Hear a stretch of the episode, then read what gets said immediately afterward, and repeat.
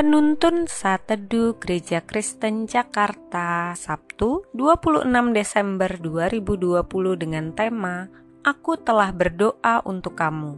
Firman Tuhan terambil dari Lukas 22 ayat 24 sampai 34 berkata demikian.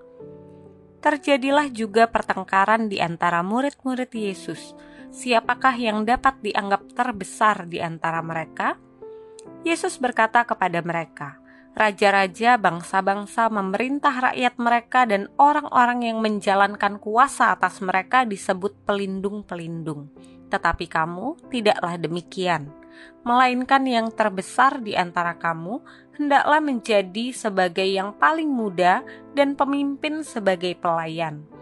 Sebab siapakah yang lebih besar, yang duduk makan atau yang melayani? Bukankah dia yang duduk makan? Tetapi aku ada di tengah-tengah kamu sebagai pelayan.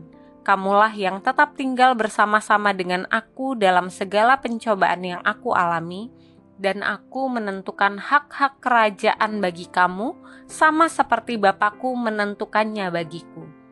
Bahwa kamu akan makan dan minum semeja dengan aku di dalam kerajaanku, dan kamu akan duduk di atas tahta untuk menghakimi kedua belas suku Israel Simon, Simon, lihat, iblis telah menuntut untuk menampi kamu seperti gandum.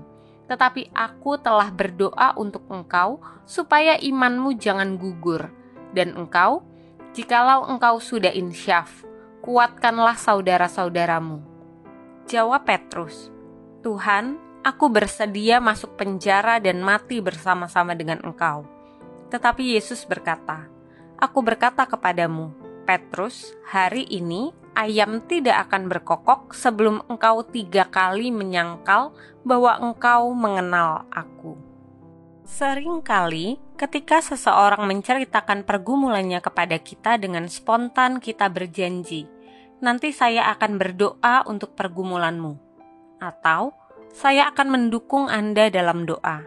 Dan kalau mau jujur, banyak sekali janji kita untuk mendoakan seseorang terlupakan. Atau bisa jadi itu hanya merupakan basa-basi untuk mengakhiri pembicaraan.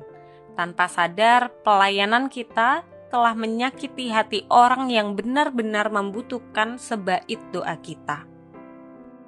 Lukas menceritakan dalam Injilnya bahwa Yesus di dalam perjamuannya yang terakhir dengan sungguh-sungguh berkata kepada Petrus, tetapi aku telah berdoa untuk engkau, supaya imanmu jangan gugur. Dan engkau, jika engkau sudah insyaf, kuatkanlah saudara-saudaramu. Yesus tidak berjanji untuk berdoa bagi Petrus, tetapi Yesus telah berdoa untuk Petrus. Aku telah berdoa untuk kamu, supaya imanmu jangan gugur. Satu jaminan yang ditegaskan Yesus dalam bagian ini bahwa ia tidak henti-hentinya menjadi pengantara bagi murid-muridnya. Perkataan dan tindakan Yesus inilah yang membuat Petrus akhirnya bangkit dari keterpurukan imannya dan menjadi satu pribadi yang mampu menguatkan murid-murid yang lain.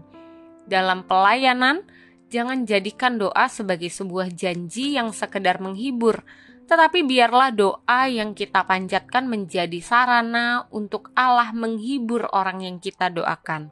Sebagaimana Yesus yang selalu mendoakan kita, biarlah kita yang lebih dewasa dalam iman selalu mendoakan mereka yang masih dalam proses pendewasaan. Seperti Rasul Petrus yang didoakan dalam proses kedewasaan, sehingga ketika dia insaf menjadi alat kemuliaan Tuhan, biarlah doa-doa kita menjadi kekuatan bagi mereka yang dalam proses pendewasaan iman, supaya iman mereka tidak gugur, tetapi menjadi iman yang subur. Melalui perenungan pada hari ini, kita bersama-sama belajar pemeliharaan dan perlindungan Tuhan akan selalu menyertai kita, orang-orang percaya, karena Yesus selalu berdoa untuk kita.